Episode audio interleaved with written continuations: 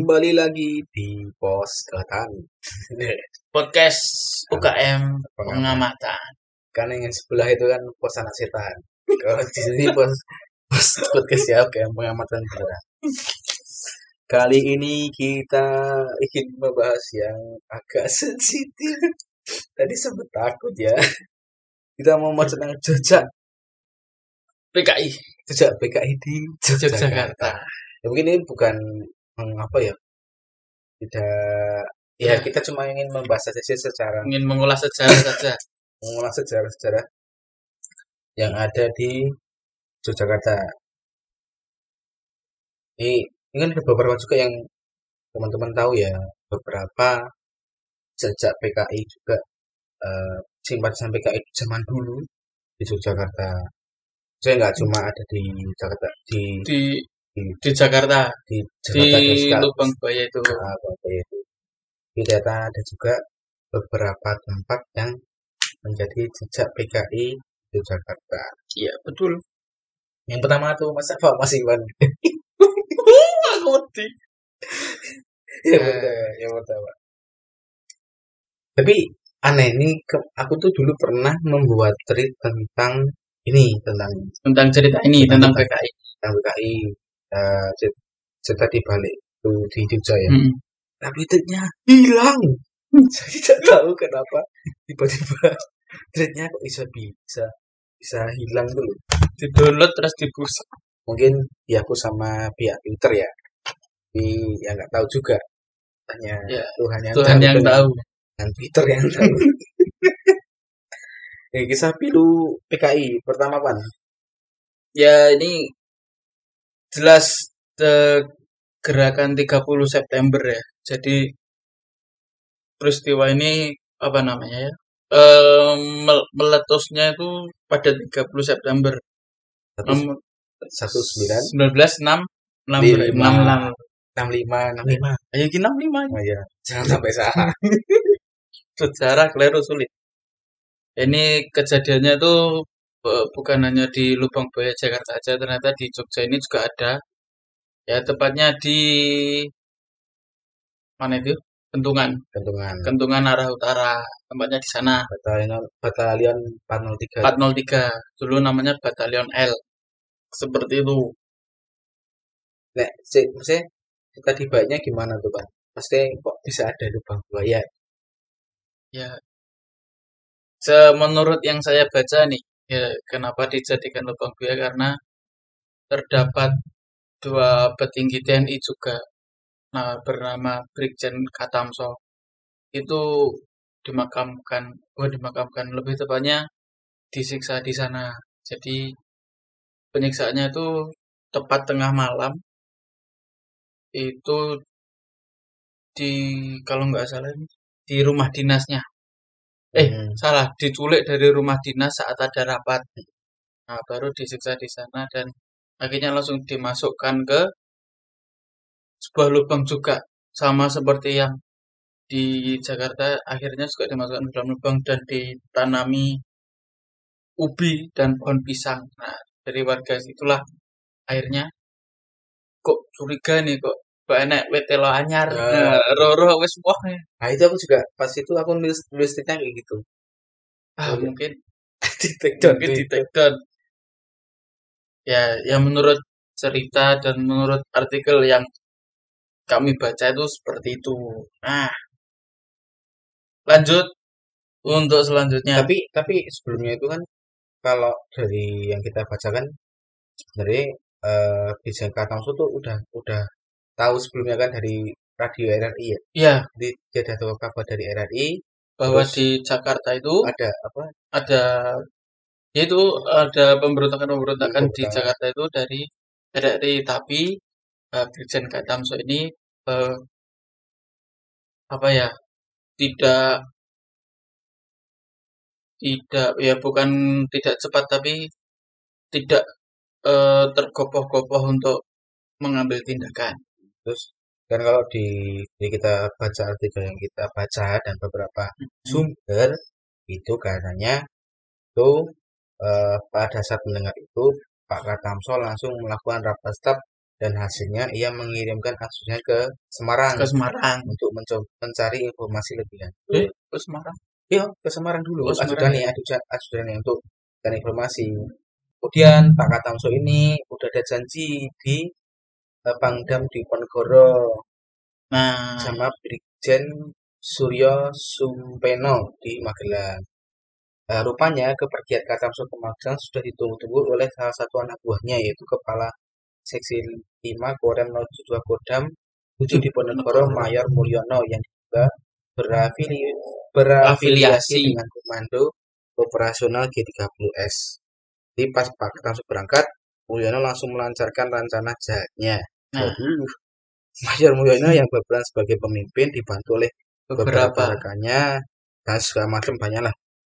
Terus eh ternyata pas eh, pas Pak Katamso kembali ke Jogja, tapi belum sadar bahwa Korem 72 Pamungkas sudah diambil alih oleh Mulyono dan anak buahnya. Jadi Korem 72 itu sing jadi rumah eh sing jadi yang markasnya ya. jadi markasnya, markasnya di Jogja.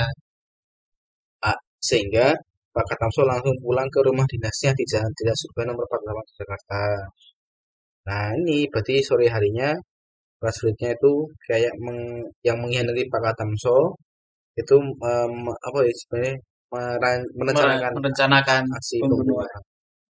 Aduh, uh, mengerikan ya. Ini ini Tapi- ada dua opsi juga dari mereka nih. Nah, opsinya tuh opsi rencana. Iya. opsi? opsi rencana mereka Oh, maksudnya. opsi rencana mereka. Jadi ada yang ditembak di tempat atau disiksa dulu secara Oh, tragis hmm. untuk ke pembunuhannya. Tapi eh sebenarnya kalau di ini kayak apa ya? Ini bukan ini ya, bukan saya apa-apa. Iya. Tapi kok di artikel yang saya baca kan sebuah mobil jeep gas masuk ke dalam pekarangan rumah Katamso coba bayangke ya. Tiba-tiba ning rumahmu ono mobil, mobil jeep, parkir. mobil jeep sing tidak kamu kenal tiba-tiba datang dan di, ah, tambah lagi di belakang Belakang. mobil ini sebuah Prajurit. dua truk yang dipenuhi prajurit bersenjata lengkap. Keduanya pun langsung mendorongkan senjata ke arah Katamso dan memintanya untuk ikut bersama. Pak Katamso akhirnya menuruti permintaan dan dibawa ke, ke markas Komando Yon L di daerah Kentungan. Resmi tewasnya, ya agak ngeri juga sih Nah, jadi cara eh, cara ternyata ini dia menggunakan opsi yang kedua Nah, yaitu menyiksa dulu ya ini inilah sebut nama lagi apa ya Oh, apa kan? jadi Ini sejarah? eh, yang melempar menggunakan apa ini kunci mortir ya. Itu Sertu Alip Toyo. Nah ini ini yang menyiksa. Eh kok mortir? Kunci montir sorry. Kunci montir seberat 2 kilo. Ini dilempar ke kepala bagian belakangnya Brigjen Katamso. Setelah itu Brigjen Katamso ini hanya berlumuran darah ini dia eh, sorry beliau eh, belum sampai tewas. Tapi akhirnya dia dipukul kembali nih. seperti itu Tapi kan yang di situ kan nggak cuma Pak Katamso tuh sebenarnya. nah ada, Ada Lekol Sugiono ya. nah Letkol Sugiono ini dia kalau di artikel sebelah nih ini dia ini juga ikut terjebak saat rapat staf kayak gitu Oh. dia juga di, diajak rapat staf sama Brigjen Katamso ternyata Brigjen Katamsonya juga disiksa si beliau ini eh siapa ini tadi oh Letkol Sugiono. ah Letkol Sugiononya ini juga diambil juga diculik juga lah itu Tapi yang menarik adalah eh, jasad Katamso dan Sugiono baru ditemukan sekitar 10 hari setelah kejadian. Hmm. Tepatnya pada tanggal 12 Agustus 1995. Sementara penggalan kubur di Kentungan baru dilakukan beberapa hari setelah. setelahnya Kemudian dimakam di Taman Makam Pahlawan Kusuma Negara di Jakarta. Dan sebagai pahlawan revolusi Indonesia yang gugur dalam peristiwa G30S di Yogyakarta. Ngeri juga ya. ngeri tapi ini eh, proses pemakamannya juga termasuk lama ya jadi dari 10 hari penemuan baru 8 hari kemudian seminggu kemudian baru digali liang lahannya Tapi itu kan dia itu kan karena eh, itu apa orang baru lihat apa ada apa? Ada eh, Galian kita. ubi ya. Ada pohon ubi baru sama pohon pisang. Hmm. tuh itu baru ditemukan. Tapi kok baru 8 hari untuk menggali liang lahatnya untuk pemakaman yang lebih terhormat kayak gitu loh. Tapi karena emang ya mungkin karena ini ya menurutku kan kita nggak tahu keadaan dulu tuh hmm. yang menurutku itu sangat mencekam ya ya kayaknya perlu rencana juga untuk apa ya me- menguburkan jasad orang terhormat kerja orang penting juga lah agar tidak diketahui oleh eh, si ini eh, orang-orang PKI ini. Nah lalu nih ada cerita kelanjutan dari artikel yang lain yaitu seorang tokoh bernama Burhan Kampak. wah ini Ya aku suka nih orang-orang kayak gini nih aku suka. suka ya sukanya kenapa maksudnya Eh, dia ini berjuang melawan kebenaran, eh melawan kebenaran, melawan eh, Bi? keberontakan ya, melawan pemberontakan, membela kebenaran. Sorry, salah lambiku.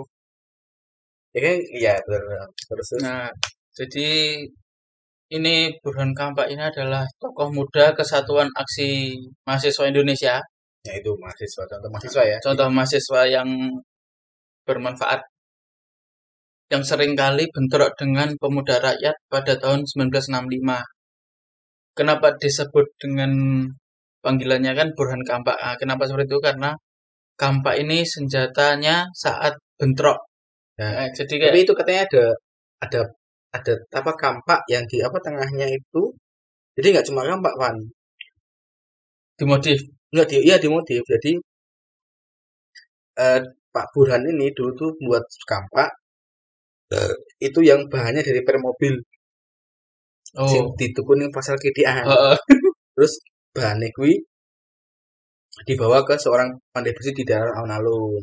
Hmm. nah jadi ono dua mata satunya kapas satunya palu yuk diberi tangkai sing setingginya itu lebih dari tingginya Pak Burhan ini Wow, jadi Wih, panjang panjang banget. banget ya panjang banget Paling ya sekitar 2 meter.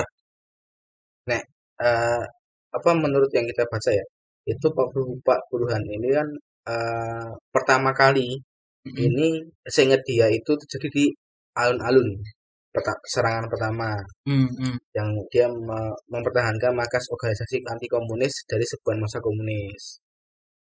Ya kalau dia bilangnya gini, lawannya pakai pedang, saya pakai kapak itu, saya ayun-ayunkan, palanya kena kepala, kapaknya saya sikatkan ke badan lawan, pokoknya ke mana-mana saya bawa kapak karena setiap malam selalu berkelahi. Itu Ngeri. maksudnya di apa ya? Ya dibayangin kayak ya nggak bisa bayangin keadaan dulu tuh Iya. gimana. Sangat mencekam. Nah, itu tiap malam ya. Ini yang saya eh, yang kami baca nih itu infonya setiap malam tuh beliaunya seperti itu. Nah, ini Bahkan lan- dia pernah bilang kalau pilihannya saat itu hanya Mem- dua, dibunuh dibunuh atau, atau membunuh. membunuh. Nah, ini semangatnya ini yang keren. Nah, kembali lagi. semangat itu kan mempertahankan diri. Tapi ini eh, apa ya? Ini bentuk semangat untuk si me- menumpas PKI ini tadi. Oh iya. Nah, kayak gitu. Dia ini hanya ada dua pilihan, dibunuh atau membunuh ini adalah suatu semangat. Ya, ya saya anggap prinsip atau semangat bisa. Nah, lanjut untuk cerita PKI-nya ini. Terus ada lagi nih Pan, Oh, ada lagi. itu Pak Buan menceritakan eh, pengalaman pernah dialami saat menjadi eksekutor. Buan Hmm. mengaku pernah bertemu dengan seorang jagoan PKI yang diduga memiliki ilmu kebal. Jadi nggak cuma Agus Samsudin yang mau Jadi dulu sudah ada yang punya ilmu kebal, tapi benar- ya. Burhan. Jadi di sini dibilang perundungan peluru burhan yang dipesan di tubuh orang itu tak menyurutkan perlawanan. Terus dia bilang, sudah saya berondong, tubuhnya saya tembak empat kali pakai AK, tapi masih melawan pada padahal sudah bolong-bolong badannya. Ngeri juga. Akhirnya saya dekati, lalu saya tembak kepalanya dengan pisau langsung mati. Ternyata nggak kebal. Ya, Nggak kebal. kalau dibuktikan ini yang minta pakai peluru kemarin ya, Oh iya iya. benar. kan ada yang minta peluru. Ya, Jangan-jangan dan jangan kok sama ya? ke ceritanya minta adu tembak. Tapi eh, kalau dari cerita ini kan eh, sebenarnya Pak Parguan tuh nggak mau ngomong berapa orang yang pernah apa, Iya. berkelahi nggak pernah tapi karena dia sempat stres katanya. Mungkin kepikiran juga kan ya, Hmm. karena udah kayak bunuh orang kan juga Hmm. pasti mentalnya juga kena lah. Kayak gitu. Ya uniknya dia tuh dari UGM. Apa itu? Burhannya. Oh, Dia dulu kuliah di UGM. Nek, Maududi di Fakultas Hukum. Fakultas Hukum Kalau ya. salah. Terus mana lagi nih, Pan? Se- apa nama-nama ini ada lagi nih tempat-tempatnya. Selain tadi yang 43 ya. Selain 43 Oh ya, itu Luweng Gerubuk. ya betul. Luweng Gerubuk. Wong Gerobok ini ini adalah saksi bisunya G30S. Ini tempatnya di Gunung Kidul, Yogyakarta. Di Padukuhan Jetes, Kelurahan Pacarjo, Semanu. Hmm. Di di sini tuh tempat pembuangan eh apa ya? Bukan pembuangan, eksekutor. Kok di Oh ya, tempat eksekutor kan? iya. Tapi kan eh, jadi ya dibuang warga-warga yang mau disiksa tuh di sana. Jadi ya bisa di tempat pembuangan bisa, eksekutor bisa. Karena setelah beberapa beberapa tahun terjadi ini, eh, warga ini menganggapnya ini adalah tempat angker seperti itu. Jadi eh, banyak yang dengar kalau malam nih dengar suara truk sama jeritan orang-orang Oh. kayak gitu. Tapi kan kalau di apa ya? Kalau diceritanya kan memang Gerubuk jadi memang jadi saksi bisu, saksi bisu yang Iya, maksudnya dari para anggota PKI dulu. mm-mm, Katanya bahkan puluhan ribu anggota yang dieksekusi di sana. Iya, betul. Kan? Jadi kayak eh, kalau diceritanya itu para anggota PKI dulu itu pas tiba di lokasi tengah malam kayak ada suara rantai yang di kaki itu loh.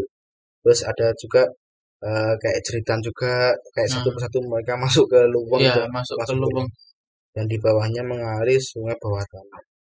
ngeri. Tapi itu kan sekarang udah nama- ganti ini ya. Sudah ganti nama dan sudah menjadi bukan tempat yang angker lagi ya. Sudah jadi tempat wisata. Namanya itu Gua Jomblang. Nah, ini yang mau menikmati keindahan perut bumi pada kedalaman 90 meter bisa bermain di sini. Oh ya untuk ini namanya kan awalnya Luweng Gerubuk. Nah kalau eh, di tempat saya luweng itu buat masak. Apa ya? Tungkunya Oh, zaman oh. dulu. Jadi mungkin ya namanya emang agak mengerikan karena luweng ini kan dalamnya buat masak eh buat tungku berarti dalamnya kan panas.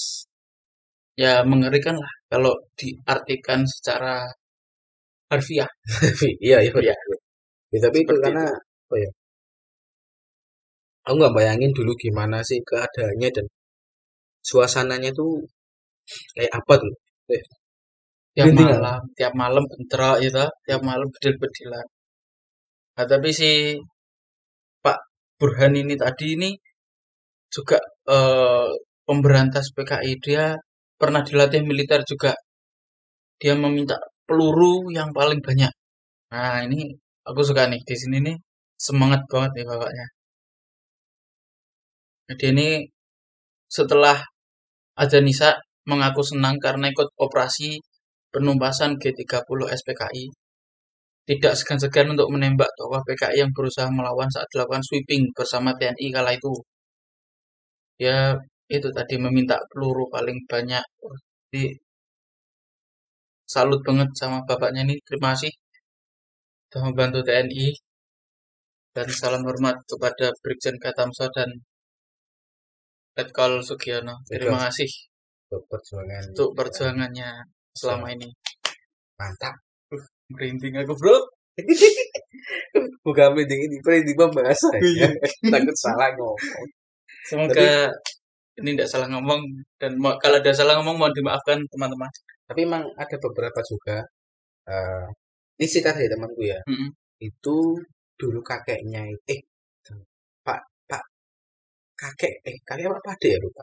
Pokoknya antara eh, saudaranya lah Mm-mm. kita bilang saudaranya tuh dulu itu dianggap jadi PKI kan Mm-mm. di PKI itu sampai dia tuh dilindungin sama orang-orang sekitar Mm. karena kebaikannya dia maksudnya dalam segi hal di sisi dia PKI yang Mhm. diburu ya maksudnya untuk pemberantasan PKI tapi dia juga jadi tokoh masyarakat di situ jadi katanya ini kata temanku yang jadi ini juga eh, salah satu eh, bapaknya yang jadi saksi waktu itu itu bilangnya gini.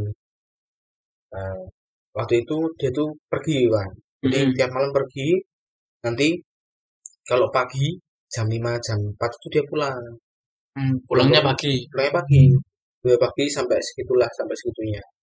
Bahkan kan eh taga di G30 PKI ini kan bahkan berefek sampai bertahun-tahun ada orang yang eh ini di, di- apa s- kayak turunan PKI nggak boleh di PNS Oh, ya. Hmm. kan ada ya itu ya ada kayak gitu sampai sampai segitunya ya. Maksudnya efek dari PKI waktu itu dan emang ngeri sih menurutku Iya. apalagi kan ya walaupun ada yang bilang Mm-mm. itu sisi sisi baiknya. sisi baiknya saya kayak eh, ada yang itu kan ada isu bahwa PKI nggak punya agama Agama. gitu. Bahkan pernah ada stand up comedian yang bilang kalau dulu kakaknya PKI, PKI. dan segala macam ya entah itu apa tapi kan Iya. kalau menurutku eh, ya sekarang kita kembali ke negara kita yang Yang sekarang ini yang sekarang ini ya selalu mendukung Jokowi Iya. Wah, ini. Ya, tapi sekarang untuk yang kemarin sempat aku lihat videonya eh, itu untuk penerimaan tentara pun kan awalnya untuk keturunan PKI ini nggak boleh. Heeh. Tapi sekarang sudah boleh asalkan dia tidak melakukan ke, ke- tindak kejahatan itu. Iya. Gitu itu udah dihapus kemarin kan banyak tuh videonya Jenderal siapa? Pak Andika. Hmm. Itu, itu banyak tuh videonya. Tapi eh, secara maksudnya ada beberapa, beberapa orang juga gini bilang gini Pak. Paham komunis itu akan selalu ada Mm-mm. dan apa akan selalu berkembang paham-pahamnya loh bukan Iya. kayaknya ya tapi paham-pahamnya tapi kan kembali lagi ya itu kan makanya pemerintah juga kayak eh, ada bela negara loh kamus kita kan bela Ya, negara bela negara. maksudnya bela negara itu juga termasuk untuk mengurangi paham-paham kayak gitu Mm-mm. ya entah bagaimana sisi baliknya dan segala macam ya kita cuma ingin membacakan sejarahnya aja ya. Ya, sejarahnya sejarahnya di Yogyakarta tuh dia ada di mana? Pak Pak 03 wi mau Eh, Pak 03 Kentungan. Kendungan terus eh, Gunung Gunung Kidul. Gunung Kidul. Di Gua Jomblang tadi ya. Jomblang Kayak gitu. dan sebenarnya ada ada banyak eh, tempat-tempat yang Yang mungkin sebenarnya punya saksi Punya bisu, saksi bisu tapi kita belum terlalu mengeksplor lah. Karena kan kegiatannya kan tiap malam nih. Iya. Nah, harusnya tempat-tempat nih banyak kan tiap malam. Nggak mungkin cuma satu dua tempat kayak gitu. Oh ya, terus yang pernah saya baca lagi nih. Bahwa paham komunis ini sebenarnya adalah apa ya? eh, ilmu ekonomi. Hmm? Awalnya ini ilmu ekonomi. Ada yang ngomong kayak gitu. Kemarin tuh aku pernah baca tuh kayak gitu. Jadi eh, komunis ini awalnya adalah kayak ya paham jual beli lah awalnya. hmm, awalnya. Awalnya seperti itu. Tapi nggak tahu bagaimana perkembangannya karena saya juga baru lahir dan belum lahir pada waktu itu pada kejadian. Jadi saya nggak tahu, belum baca terlalu dalam lah ya. Indonesia min apa? Apa? Minus literatur apa? mini-mini itu lah Nah, minum literatur. enggak tapi eh ya sebenarnya kasusnya ini kan ini PKI ya maksudnya nek kasus nek mamanya kan aku juga baru tahu nih tentang apa ilmu Ekonomi. ekonomi itu sebenarnya sama kayak dulu VOC. Yang kayak Iya. gitu. VOC itu kan dulu bukan sebuah negara maksudnya Iya. VOC itu di sini mau berdagang Kongsi dagang. Kongsi dagang dan tujuan awalnya ya, kalian tahu juga VOC itu dulu tujuan awalnya adalah ingin mengembangkan negara-negara Negara. yang terpuruk loh yang negara-negara yang negara kecil-kecil gitu loh Hmm. bahkan dulu ibaratnya eh, si siapa? Si V- VOC ini dengan awalnya berdagang akhirnya juga mungkin wah ini nih bisa kita manfaatkan kan gitu kan. Dulu mungkin VOC kan gitu. Iya, daripada karyawan banyak tapi kita bayar, mending karyawan banyak tapi nggak bayar. nah gitu. Banyak banyak eh, apa ya kayak beberapa hmm, kayak kejadian-kejadian yang tidak sesuai dengan apa dan akhirnya menjadi perang dunia Ya, seperti itu. ya mungkin itu Van untuk episode kali ini Ya, iya. jangan lupa subscribe di Noise dan juga follow di Spotify Pos Ketan podcastnya UKM pengamatan. dan jangan lupa follow Instagram kami di UKM pengamatan. dan di Twitter @ukmpengamatan stay tune